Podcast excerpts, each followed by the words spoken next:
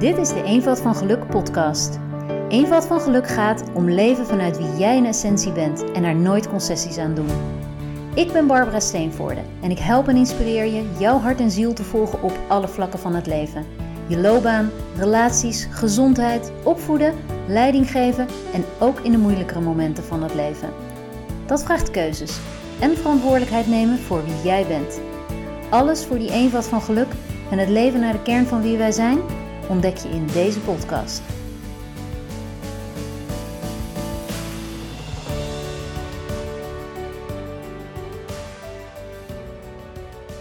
Van harte welkom en leuk dat je weer luistert.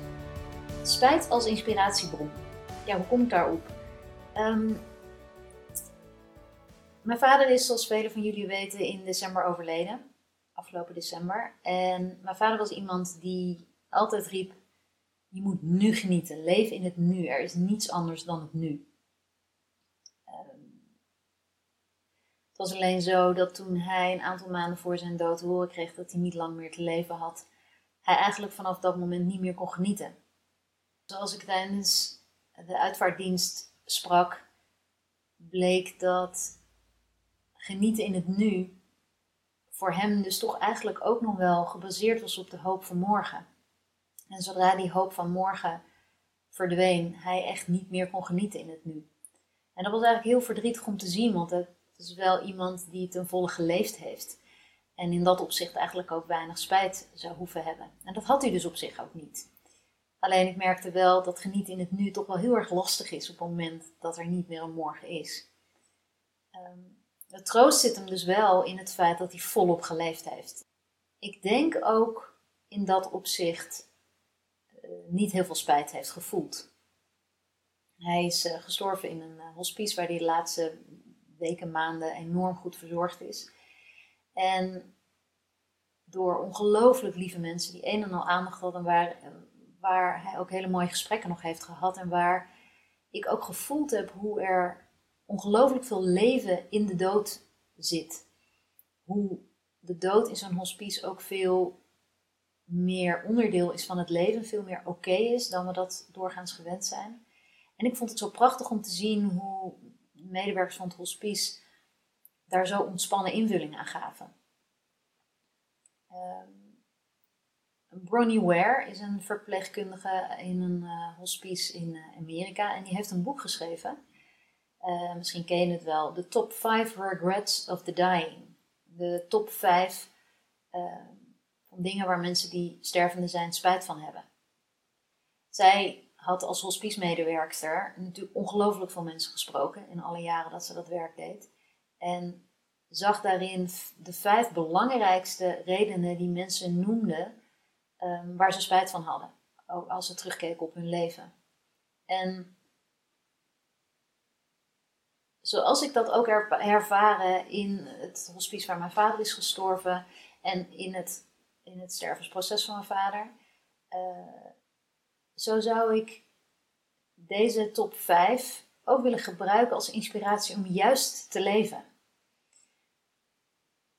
Omdat we veel kunnen leren van de spijt van een ander, uh, maar ook kunnen leren van wat er gebeurt. Uh, in het moment van de dood en wat er dan ontstaat en wat dan belangrijk wordt en wat dan helemaal niet meer belangrijk wordt.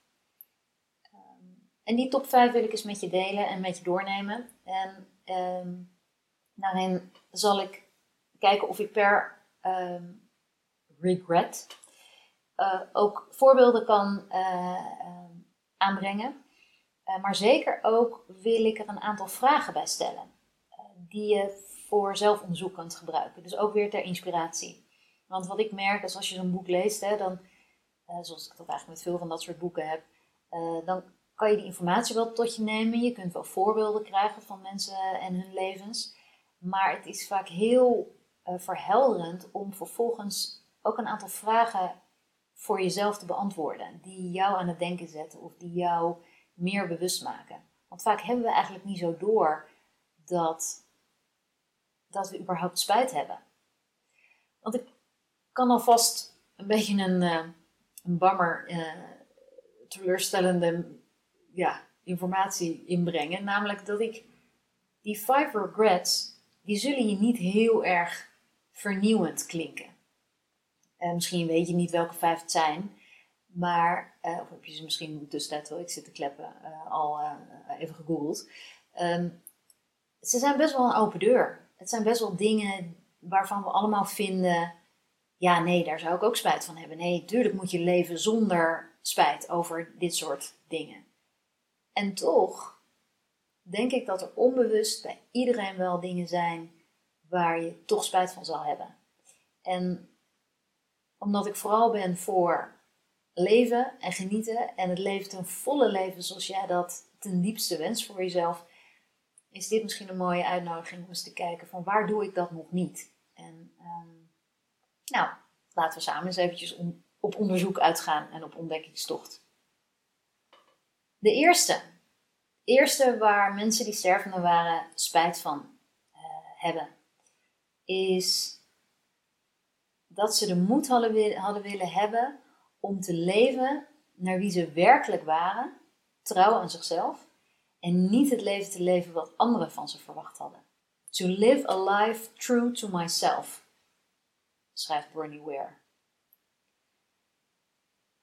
En we zeggen misschien allemaal wel, onze ouders, dat ja, die hebben natuurlijk bepaalde verwachtingen van gehad, maar die heb ik wel van me afgeschud. Ik ben wel echt gaan doen wat ik zelf wil.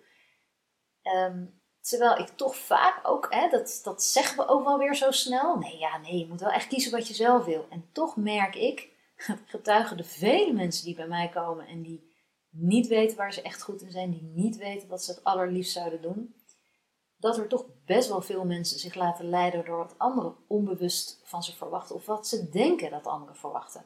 Want daar is ook nog een groot verschil tussen. Onbewust worden we toch beïnvloed door wat onze vrienden zouden verwachten, wat onze ouders van ons verwachten. En daarin hoef ik alleen maar bijvoorbeeld te kijken naar mensen die uh, wetenschappelijke opleiding hebben gevolgd. Heb een keer iemand gesproken en die zei: Ja, en dan, hè, als je, je hebt daarin door de overheid is dat gesponsord en uh, je ouders hebben dat gesponsord, dus je bent het verplicht om dan ook iets met die opleiding te doen. En toen dacht ik: Hè? Maar alsof je alsof die opleiding is weggegooid als je, uh, bij wijze van spreken, politicologie hebt gestudeerd en je niet naar Den Haag vertrekt. Wat als je die kennis gebruikt voor de zorg voor je gezin en voor de ontwikkeling van je kinderen? Die wetenschappelijke opleiding is niet weggegooid, maar moeten we onszelf daarmee dan wringen in een harnas van uh, ja, een carrière die ons niet past, waar we niet echt gelukkig in worden? En daarin zie ik van alle mensen die ik begeleid, vooral veel vrouwen ook, die ehm, helaas met dank aan feminisme eigenlijk vinden, of zich eigenlijk een soort in, in hun nek hun vriendinnen voelen van ja, wij als vrouw, wij als hoogopgeleide vrouwen moeten wel iets doen met onze opleiding. Je gaat niet thuis zitten zorgen voor je kinderen. Je moet wel zorgen dat je een beetje een leuke partner voor je, voor je man bent, die een beetje interessant is. Dus met dat laatste ben ik natuurlijk zeker eens. En dat je voor je kinderen uh, moet zorgen ook. En dat je jezelf moet ontwikkelen, zeker ook. Maar je mag gerust dat doen op een manier die past bij jou. En ik zie toch dat veel vrouwen eigenlijk zeggen van ja, maar ik heb een hoge opleiding, dus daar moet ik wel iets mee doen. Ik kan moeilijk thuis gaan zitten. maar als dat is wat het allergelukkigste is, wat jou het allergelukkigste maakt en wat voor jouw partner ook helemaal oké is, omdat het in jullie gezin helemaal relaxed wordt dan en dat je kinderen daar ontzettend wel bij varen. Dus enerzijds voelen we dan van onze vrouwelijke, hoogopgeleide leeftijdsgenoten van nee, ja, nee, je moet die wel hè, van betekenis zijn. En aan de andere kant zeggen we ook heel vaak, ja, moeder zijn, dat is het belangrijkste beroep in de wereld. Maar er zijn maar weinig mensen die daar echt voor durven kiezen. Want wat vinden mensen er dan van dat ik alleen maar thuis zit? Nou, het belangrijkste beroep van de wereld aan het uit te oefenen. En daar zie ik dus veel ja, ook weer die dooddoeners. Van iedereen weet hoe moeder zijn belangrijk is en hoe, hoe, hoe intensief dat is. Maar op het moment dat we daarvoor ten volle gaan kiezen, voelen we toch die, die ogen in onze rug. En op een feestje, ja, durven we bijna niet te zeggen dat we thuis zijn. En dat dat ons werk is. En dat dat is waar onze levensvervulling naartoe gaat. Ehm, en, en dat maakt dus dat we onbewust toch ons leven invullen mede bepaald door wat, we, wat anderen vinden en denken, maar ook wat we denken dat anderen vinden en denken. Een mooi voorbeeld was Olivier. Olivier ken ik van, nou, ik denk dat ik hem 25 jaar geleden een keer ontmoette. En Olivier kwam uit een gezin van advocaten en chirurgen. Hij had geloof ik drie of vier broers boven zich. Hij was de jongste van het gezin. Ehm, zijn vader was rechter. Uh, twee broers, meen ik, waren advocaat en twee broers chirurg. Allemaal hoog opgeleid, ook Olivier. Olivier had ook een keurig, volgens mij, rechten gestudeerd. Maar tegen de tijd dat Olivier klaar was met zijn studie, was het voor hem één grote nachtmerrie geworden om ook advocaat te moeten worden. En die was een uitlaatservice begonnen. En dat was ook hoe ik Olivier leerde kennen, namelijk als de uitlaatservice van mijn hond. En Oliver was inderdaad een overduidelijk hele slimme gast, een leuke vent. En hij vertelde me dus dat hij zich had ontrokken aan het juk van eh, broers en vader. Dat dat echt niet gewaardeerd werd. Dat hij een ander pad koos. Dus ik heb ook altijd wel bewondering gehad voor zijn verhaal. Omdat Olivier het wel deed alsof het super easy was. Omdat hij nou eenmaal voelde, dit is in elk geval niet voor mij weggelegd. Maar je moet het ook nog maar eens doen. Hè? Ik bedoel, je kan het wel voelen van ik wil geen advocaat worden. Maar in zo'n gezin dan stevig staan en zeggen ik begin aan uitlaatservice. Ja, dat lijkt makkelijk, maar dat is het natuurlijk niet. Dat heb ik altijd wel bewonderd aan Olivier, dat hij het gewoon deed. Ik ben ook benieuwd hoe het met Olivier is. Ik heb geen idee, ik weet ook, ook zijn achternaam niet meer.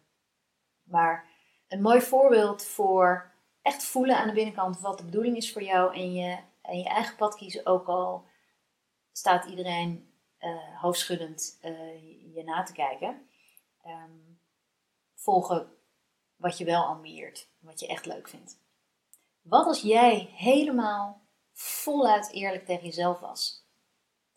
En als je helemaal naar waarheid leeft, hoe is dat dan, denk je? Ik heb een aantal vragen daarvoor. En Zet desnoods ook eventjes af toe als ik die vraag stel, even de, de podcast op pauze, zodat je het kan opschrijven. Als jij een leven zou leven waarin je volledig eerlijk bent naar jezelf, eer doet aan jezelf, misschien wel, waarin je vo volledig waarachtig leeft, wat zou je dan zeggen? En waar zou je je dan over uitspreken, wat je nu niet doet? Misschien iets hoe iets gaat met je partner of in je werk, waar je altijd tegenaan loopt, wat je echt heel raar vindt in de organisatie waar je voor werkt, maar wat je gewoon niet zegt. Als je helemaal eerlijk bent naar jezelf, naar waarheid leeft, wat zou je dan zeggen, waar zou je dan over uitspreken? Als je helemaal naar waarheid leeft, wat zou dan de dagelijkse invulling zijn? Hoe zou jij je ideale dinsdag doorbrengen? Wat zou je dan het allerliefst willen doen? Waar zou je meteen mee stoppen als je helemaal naar waarheid leeft? Wat zou je niet meer doen in je leven? Waar zou je mee stoppen? En waar zou je meteen mee beginnen? Als je eigenlijk dolgraag een boek wil schrijven, ga beginnen. Schrijf gewoon één bladzijde per dag. En terwijl je deze vragen beantwoordt, neem ook tijd dan komt er ongetwijfeld ook een ja, maar ja dat, kan, ja, dat kan niet, of dat kan pas als, ja, dat kan niet zomaar. Als je die voelt, van wie heb je dan onbewust nog toestemming nodig? Waar voel jij de rem? Naar wie toe voel jij dat het eigenlijk nog niet kan? Dus van wie heb je toestemming nodig? Is het van je, van je vriendinnen? Um, je hoogopgeleide vriendinnen? Is het van je partner? Is het van je ouders? Um, en kan je dan nu die toestemming aan jezelf geven? Om het gewoon te gaan doen. Om gewoon op alle vlakken naar waarheid te leven. Of nou op één vlak. Daar waar je net het een en ander over hebt opgeschreven. Kan je dat naar waarheid gaan leven? Om jezelf die toestemming geven persoonlijk voorbeeld van mij was, was ook zo eentje. Ehm, waar ik me zo bewust werd van wat nat dan is. Ik weet nog dat ik toen ik net uh, bekend had gemaakt uh, dat, ik, uh, dat mijn partner en ik uit elkaar gingen, dat we gingen scheiden. Toen stond ik op het schoolplein en vertelde ik dus dat we gingen scheiden. En toen zeiden de drie moeders, met wie ik, alle drie, met wie ik stond te praten. Ja, maar je moet wel altijd uh, je best doen om bij elkaar te blijven. Koste wat het kost, voor de kinderen. Je kan het je kinderen niet aandoen om te scheiden. En toen zei ik, dat zie ik echt anders. En dat is te lang voor hier, maar ik geloof oprecht dat, dat heb ik geloof ik daar ook gezegd, van ik geloof oprecht dat mijn kinderen het beste voorbeeld van de liefde verdienen. En ik geloof niet in al die gezinnen waarin een en al gemopper of stilzwijgen is, of uh, constante kift, geruzie, uh, of waar mensen elkaar niet meer aanraken en niet meer vriendelijk naar elkaar kijken, elkaar hooguit verdragen. Dat wordt gevoeld door de kinderen. En dat is dus het voorbeeld wat die kinderen over liefde krijgen. Dus ik kies voor een leven wat waarachtig is naar mezelf en waarin ik mezelf ook als mooiste voorbeeld zie voor mijn kinderen.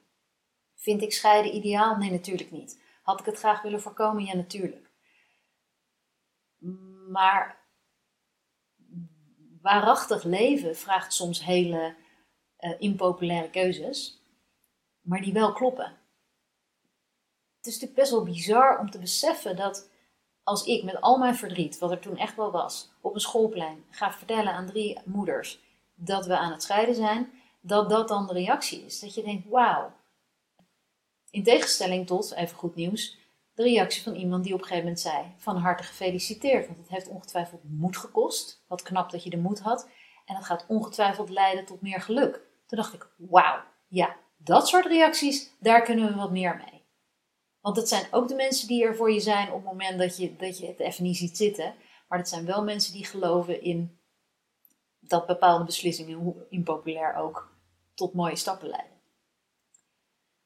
Dus of dat nou gaat voor jou om werk of je relatie, hè, de Olivier of de Barbara, of om hoe je met je kinderen omgaat, of waar je je tijd aan besteedt, of welke hobby je het allerliefst zou doen, of een boek dat je wil schrijven.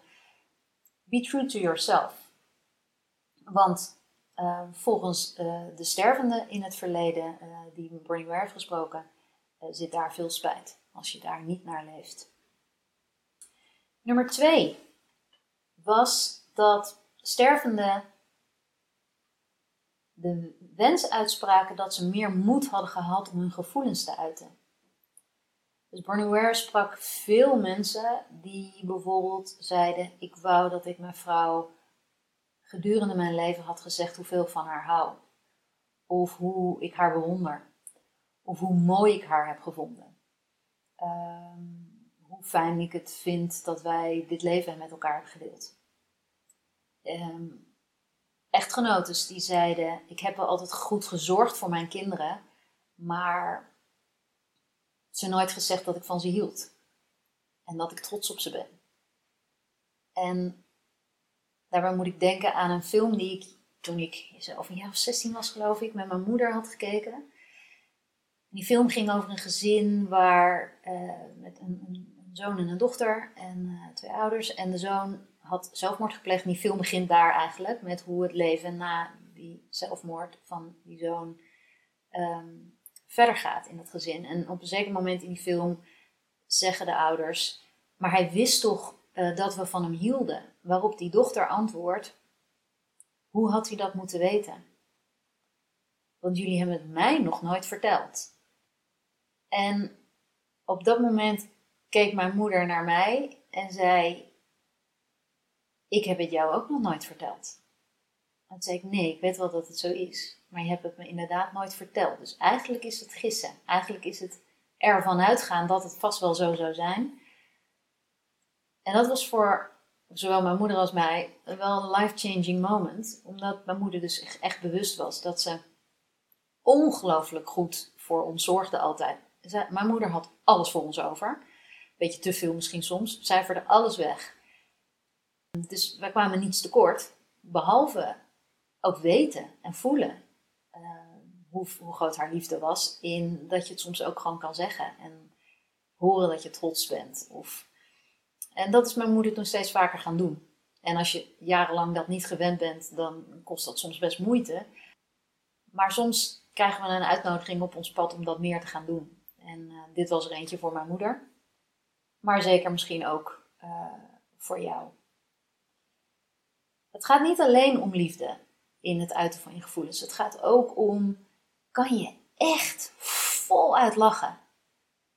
veel Aziatische uh, volkeren hebben, soms ook wel door als gevolg van een slechte gebit, um, zijn een beetje schuw als het gaat om lachen. Houden vaak een hand voor hun mond. En als je dan bedenkt uh, dat er een experiment is geweest waarin ehm, twee groepen uh, proefpersonen eenzelfde film keken. Eén groep proefpersonen keek gewoon de film. De ander keek, moest de film kijken met een potlood, een horizontaal potlood tussen hun tanden. En het bleek dus dat mensen met dat potlood tussen hun tanden, die groep de film als veel grappiger uh, heeft ervaren dan de eerste groep. Waarom? Omdat, doe maar eens een potlood of een pen tussen je tanden, je eigenlijk automatisch geforceerd wordt een lach op je gezicht te toveren. Het is eigenlijk dezelfde houding als wanneer je lacht. En dus wanneer je dus vaker lacht, boeddhisten adviseren dus ook om altijd met een glimlach uh, door het leven te gaan, dan zul je het leven ook veel grappiger, vrolijker en zachter ervaren. En ook daarin um, houden we onszelf soms enorm in. Dus hoe verdrietig eigenlijk voor al die hè, Aziatische mensen. Uh, ik heb dan met name uh, Chinezen die ik wel eens ontmoet heb op mijn netvlies, die als ik in China was. dat, dat ik oh, wat, die onthouden zich dus heel veel lol doordat ze schuw zijn in het lachen. Een aantal vragen. Welke emotie hou jij het meeste in? Dus van alle emoties die er zijn. Check eens, kan je voluit lachen? Durf jij een traan te laten in gezelschap? Ehm, durf jij te laten merken dat je moe bent of moedeloos? Durf je je angst te tonen? En welke emotie is het bij jou waar jij je het meest inhoudt? En gun jezelf eens de komende week om iedere keer dat je die emotie voelt, om die een keer voluit te tonen. En ja, als jij verdrietig bent en je kinderen zien dat, noem maar lol, hel gewoon. Als jij doodmoe bent en verdrietig, voelen je kinderen dat toch wel. Dus je kunt het verbergen, maar je kinderen voelen dat er wat is. Op het moment dat je huilt, wordt, jou, wordt de getoonde emotie congruent met wat zij al lang al voelen. Dus wat jij aan de binnenkant voelt, kan je maar beter aan de buitenkant tonen, omdat de kinderen anders in de war zijn. Dan kan jij met een grote glimlach op je gezicht doorgaan met zorgen en druk zijn. die kinderen voelen iets en snappen dan niet, daar komt onduidelijkheid in een kind zelf. Dus gun jezelf om dat voluit te tonen en dan wel bijvoorbeeld zeggen van ja, mama is verdrietig, ehm, maar dat kan ik prima aan. En als ik iemand nodig heb, dan heb ik papa, of dan heb ik mijn vriendinnen, of dan heb ik mama, mijn moeder. Maar ik heb wel verdriet. Ik zorg voor mezelf, dat kan ik heel goed, dat hoef jij niet te doen. Het is wel belangrijk dat je het weet zodat er bij een kind onmiddellijk rust kan komen. Van, oh, dat was er. Dus, want het kind voelde het al die tijd al. En is dus super fijn als, als het dan benoemd wordt en getoond wordt. En een kind er vervolgens ook niets mee hoeft. De nummer drie. Nummer drie van de five regrets of the dying is: ik wilde dat ik niet zo hard had gewerkt. En bij deze moet ik denken aan een cliënt die op 64 jaar leeftijd bij mij kwam. Laten we hem Jan noemen. En Jan vertelde, over een jaar ga ik met pensioen. Ik heb altijd hard gewerkt, heel hard gewerkt. Het ging vaak ten koste van mijn gezin. Ik was zeker twee avonden in de week, zo niet meer, weg voor werk. Uh, maakte lange dagen, was vaak na het eten pas thuis. Uh, had ik nog even in mijn eentje. Weekenden gingen vaak toch wel op aan veel mail nog wegwerken. En ik heb mijn werk altijd leuk gevonden. Ik heb me er heel hard voor ingezet. Maar het heeft wel uh, zo zijn tol geëist. Hè. Mijn vrouw moest ja, toch alles wel alleen doen. Mijn kinderen hebben ook wel eens uitgesproken dat ze me weinig gezien hebben. En ja, ik heb daarin mijn partner ook misschien wel tekort gedaan. En nu ga ik met pensioen. En mijn vrouw zit al klaar met het kluslijstje, want we hebben twee jaar geleden een nieuw huis gekocht. Dus de kluslijst ligt klaar, moet nog van alles gebeuren in en om het huis. En we hebben ook uh, vorig jaar een nieuwe camper gekocht. En mijn vrouw heeft al helemaal plannen, is aan het uitstippelen voor. Zodra ik met pensioen ga, gaan we eerst heel Nederland onderzoeken. En daarna bereiden we ons actieradius een beetje uit naar de rest van Europa. En ehm, nou, de plannen liggen al klaar. Zeg, nou, klinkt goed, maar, maar zegt Jan, ik ben volledig in paniek. Ik heb geen idee wat ik moet gaan doen na mijn pensioen. Ik zeg maar een paar dingen weet je wel. Het zei ja, ik wil helemaal niet in die caravan. Ik wil helemaal niet meteen aan die kluslijst beginnen. Nou, dat was het begin van mijn reis met Jan. En Jan werd behoorlijk geleid door wat iedereen van hem verwachtte. En tot heel lang was dat zijn werkgever. En ehm, deed hij precies wat die werkgever van hem verwachtte. Op een gegeven moment, naarmate zijn pensioendatum naderde, ehm, begon zijn vrouw het al over te nemen. Want die had natuurlijk ook, ook begrijpelijk, al die jaren gewacht tot Jan eindelijk met pensioen ging. Want dan konden ze eindelijk echt genieten met elkaar. En konden ze eigenlijk echt tijd hebben voor de dingen waar zij al die jaren zo op gehoopt had. Jan besefte gewoon heel erg dat hij tijd wilde inhalen met zijn kinderen. En dat hij dus niet alleen maar met zijn vrouw tijd wilde hebben.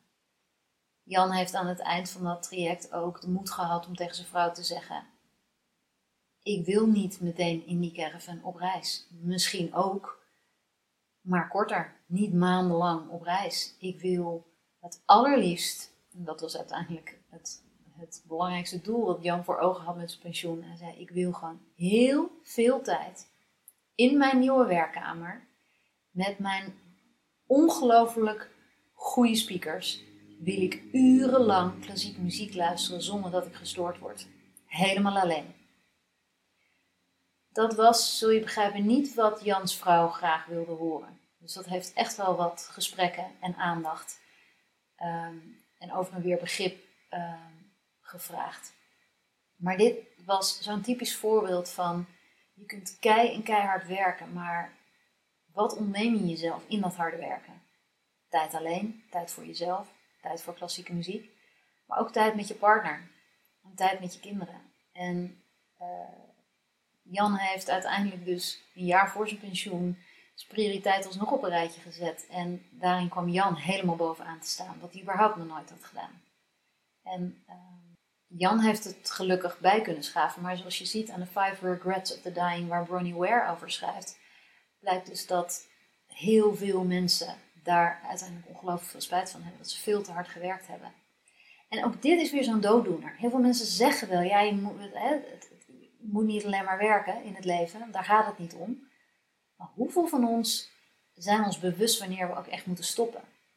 Ik ken zoveel voorbeelden van mensen die thuis aan het werk zijn en waarin kinderen van twee papa, papa, papa, mama, mama, mama roepen en, en volwassenen gewoon met hun hoofd in een laptop zitten en eigenlijk zich verscheurd voelen, want aan de ene kant trekken de kinderen, aan de andere kant trekt het werk. En waar ben je zelf nog? Wat wil jij? En er is dus niet een, dit is niet een anti-werkcampagne, want ik heb ook een vriendin die het fantastisch geregeld heeft met een au pair en ook nog een extra oppas die ook nog het hele huishouden organiseert.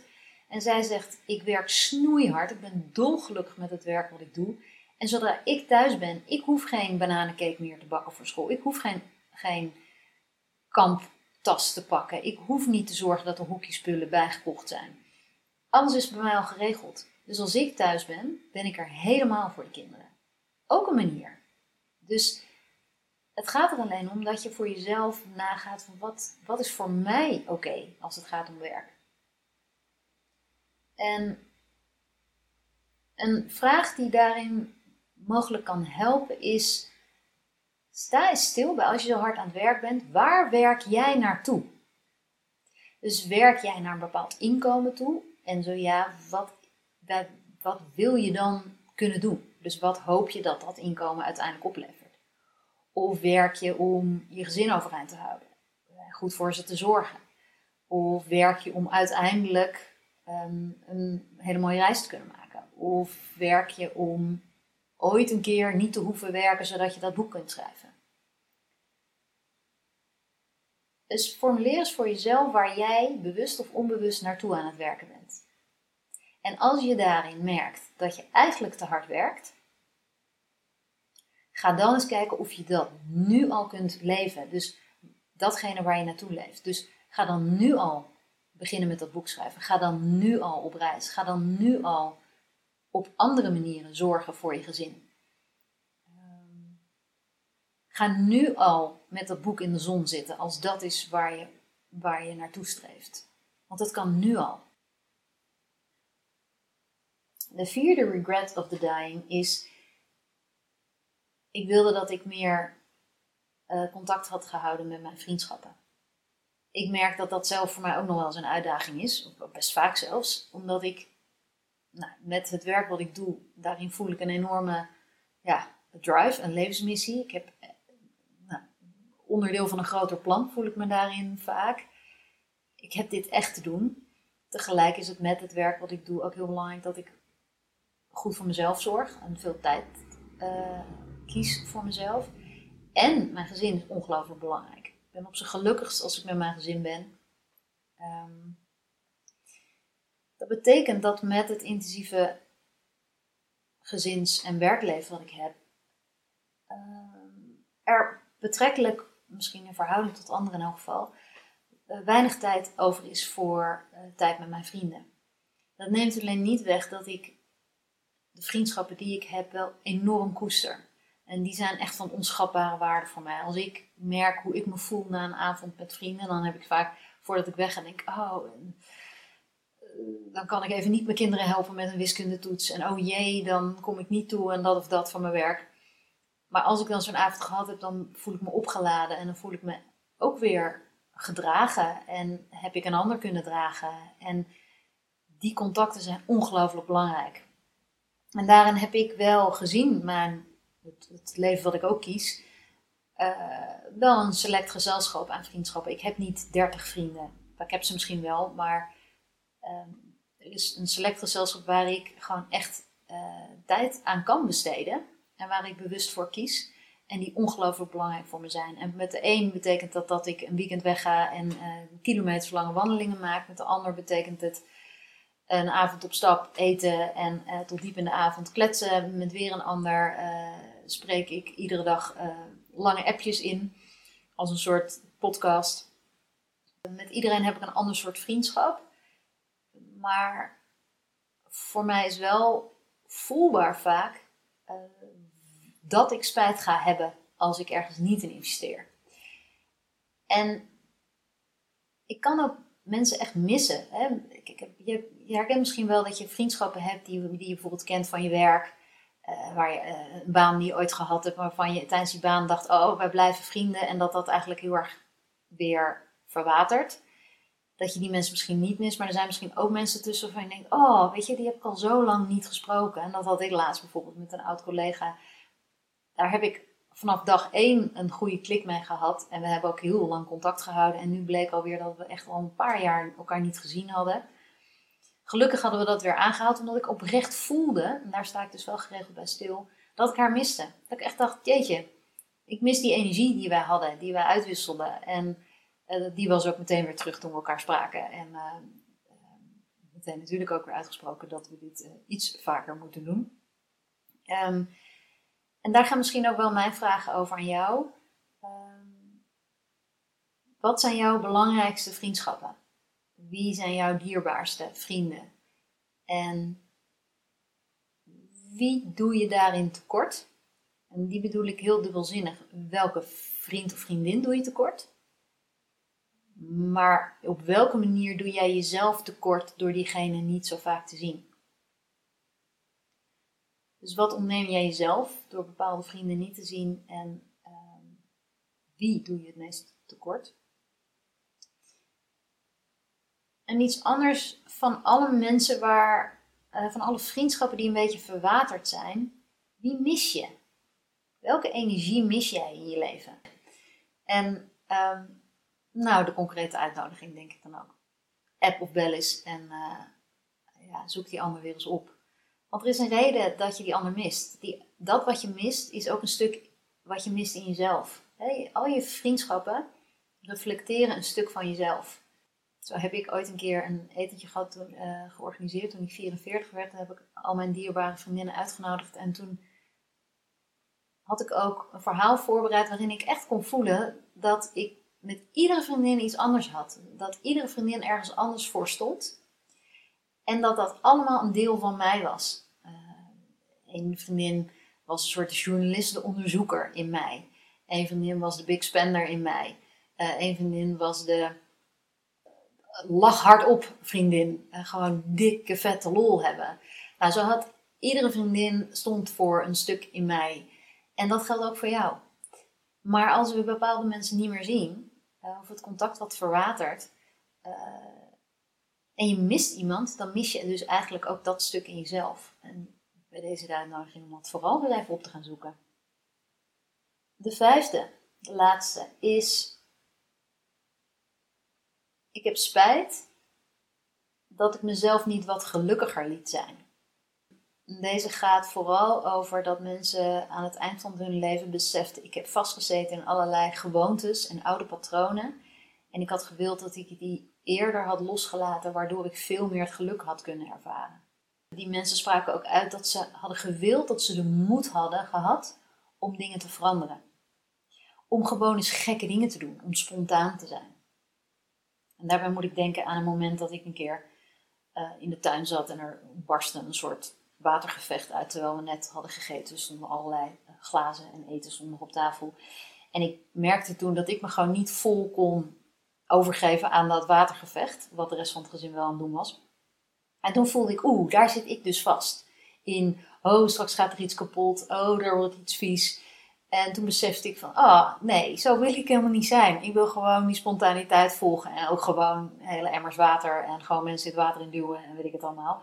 En even niet nadenken over of er iets kapot gaat uh, of vies wordt. Je hebt alleen niet altijd van die momenten, dat, hè, zoals ik dat op dat moment had, dat je vastzit. Want hoe vaak is het niet zo dat je echt terecht vindt dat je de boel netjes wil houden of dat je niet wil dat er een bord kapot valt?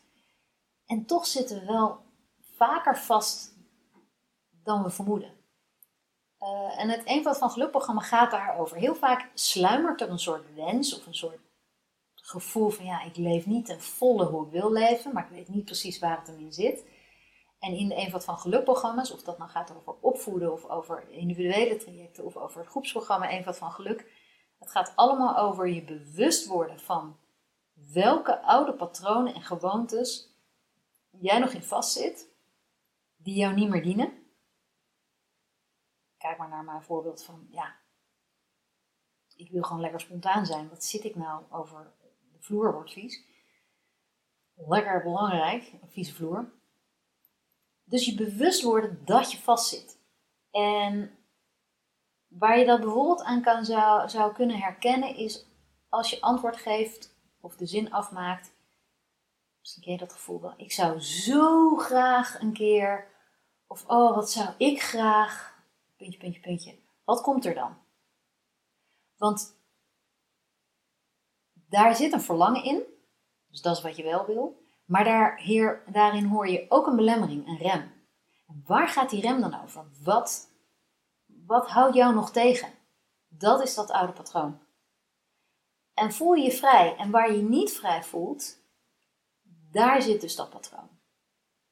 En als je je helemaal vrij zou voelen, wat zou je dan doen? Wat zou je dan willen?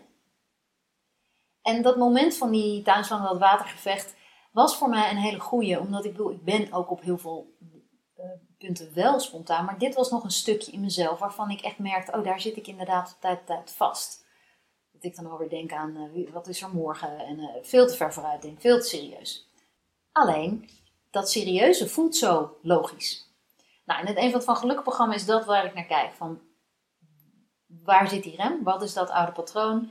Om vervolgens dat oude patroon ook los te kunnen laten. Dus je niet weet waar het zit, kan je het ook niet loslaten. En ontdekken wat je echt wil. En dan komt ook weer die moed erbij kijken. En dat vind ik zelf de grootste kracht van de Eenvoud van Geluk programma. Is dat het echt de moed in jezelf aanwakkert om ook echt te gaan kiezen voor wat je wil. Die bereidheid om dat oude patroon los te laten, dat is er vaak nog wel. Er is ook wel moed voor nodig, maar dat, dat is vaak zo vermoeiend, dat lukt nog wel. Maar echt voluit gaan kiezen voor totaal ander werk, of moeder zijn terwijl je hoog opgeleid bent, of een relatie beëindigen, of op een totaal andere manier gaan opvoeden dan jouw partner logisch vindt. Dat is vrijheid. Vrijheid is jezelf gelukkig kunnen zien en daarvoor durven kiezen. En dat betekent dus in mijn geval dat ik heel graag, als het een hele mooie dag is en een hele zachte avond is, op dinsdagavond gewoon nog de boot pak en uh, al picknickend uh, tot laat gewoon lekker op het water wil zijn met mijn kinderen. En ja, dan is het de volgende dag maar schooldag. Weet je, dat oude patroon is, oh morgen is het een schooldag, dus we moeten op tijd thuis zijn. Maar als het een prachtige dag is waarin iedereen geniet, wat is dan belangrijker? Die avond dat je volop geniet met elkaar? Of dat je morgen op tijd en uitgeslapen weer in die schoolbanken zit? Het zit in zoveel kleine dingen vaak waarin jij jezelf gelukkiger kan laten zijn. En het zit hem vooral in bewustzijn van joh, kan het allemaal wat minder serieus? Kan het allemaal wat minder plichtsgetrouw? Gisteren belde mijn zoon op en die vroeg uh, of hij binnenkort uh, op een vrijdag uh, mee kon doen aan een tennistoernooi. Ja, dat kan. Zei hij, ja, mijn probleem is alleen dat ik waarschijnlijk, de tennistoernooi begint al eerder en ik heb nog best wel tot laat les op vrijdag. Dus nou, dan vragen we toch gewoon vrij. Want dat tennistoernooi is belangrijker. Werd het even stil aan de achterkant, zei hij, echt? Ik zei wat bedoel je? Dus vind je het tennistoernooi echt belangrijker dan school? Ik zo, ja ik was eerlijk gezegd zelf verbaasd dat hij, daar verbaasd over was. Want ik bedoel, ik vind school echt zeker niet uh, het laatste lesuur op vrijdag. Ik heb niet het idee dat dat nou zo wezenlijk veel uh, bijdraagt aan het levensgeluk van mijn kind. Um, wat doe je nou nog op zo'n vrijdag, het laatste uur? En ja, hij is helemaal gepassioneerd over tennis en ik ben gepassioneerd over zijn geluk. Dus volgens mij moeten we daar dan voor kiezen. En is dat een hele simpele keuze. Maar ik snap wel zijn echt, hè, die vraag. Want dat is natuurlijk vaak wel een beetje anders dan uh, school hoopt dat je als moeder reageert. En het is vaak ook wel een beetje anders dan andere ouders doen. Ja, ik, ik geloof echt dat we daarin wel wat minder serieus en braaf mogen zijn. Um, dus, dus ja, uh, kiezen voor geluk. Kiezen voor waar word ik blij van. Want als je beseft dus dat dat ook weer een van de redenen is dat mensen die aan het sterven waren, uh, waar ze spijt van hadden, terugkijkt op hun leven, dan denk ik, wauw, het zijn zoveel momenten moeten dat geweest zijn waarop je eigenlijk gelukkiger had willen zijn en kunnen zijn. Waar je echt had kunnen kiezen. Het zijn allemaal van die kruispuntjes. Uh, allemaal van die T-splitsingen. Je kan of naar links of naar rechts. En aan welke kant zit het geluk? Als ik thuis mijn therapieopleiding, kindertherapieopleiding hoorde. Je kunt kiezen, put of geluk. Waar, kies je voor de put of waar het donker is en koud en nat en niet zo inspirerend? Of kies je voor geluk, waar de zon schijnt, waar je lol hebt, waar je je vrij voelt? Kennelijk zijn er ongelooflijk veel mensen die doodgaan en dat niet hebben gedaan. Kiezen voor geluk. En misschien is dat ook wel hè, ter afsluiting onbewust wat ik hoop te bereiken met eenvoud van geluk. Een, misschien wel een zero regrets of the dying. Dat, dat er mensen sterven zonder enige spijt. En dat ik hoop zoveel mogelijk aan levens uh, toe te voegen door van betekenis te zijn, door het werk wat ik doe, door de inspiratie die ik breng, waardoor mensen van alle leeftijden gewoon voluit leven zonder spijt. En het is ook nog eens zo, hoe meer jij en ik durven te leven zoals we zonder spijt leven, als we helemaal leven zoals we werkelijk zijn, hoe makkelijk wordt het dan voor anderen? Want dan mogen anderen het ook. Dan kunnen ze een beetje afkijken bij ons, dan kunnen we het voorleven. Maar dan creëren we ook een wereld waarin dat normaal is. Uh, dat het niet alleen maar de dooddoeners zijn, hè, want dat zei ik aan het begin. Iedereen is het eens met deze vijf regrets. En toch heb je misschien gaandeweg deze aflevering gemerkt. Ja, maar ik leef er niet helemaal naar. Ik leef er niet naar om die, dat stuk spijt te voorkomen. Dus als jij en ik nou gewoon zo gaan leven en durven leven, zonder spijt, dan creëren we een omgeving en een wereld waarin spijtloos leven normaal wordt. Een soort zero regret universe creëren we dan. En dat vind ik nou net weer een prachtige plek voor onze kinderen om in op te groeien en alle generaties die na ons komen. Dus ja, in de dood, en in de dood van anderen in dit geval, zit heel veel leven. Want in het moment van doodgaan zit dus de wens om te leven, nog steeds. Zoals ik dat ook bij mijn vader zag. Dat hij gewoon niet meer kon genieten omdat er niks meer voor te leven was, om niet meer naartoe te leven. En in dat, die spijt van al die mensen die Bronnie Ware gesproken heeft, zal dus ook tijdens het doodgaan nog de wens om dat wat niet geleefd is. En ik hoop dat je alles leeft wat je wil leven. En ik hoop dat deze aflevering daar meer bewustzijn en reflectie op heeft gebracht.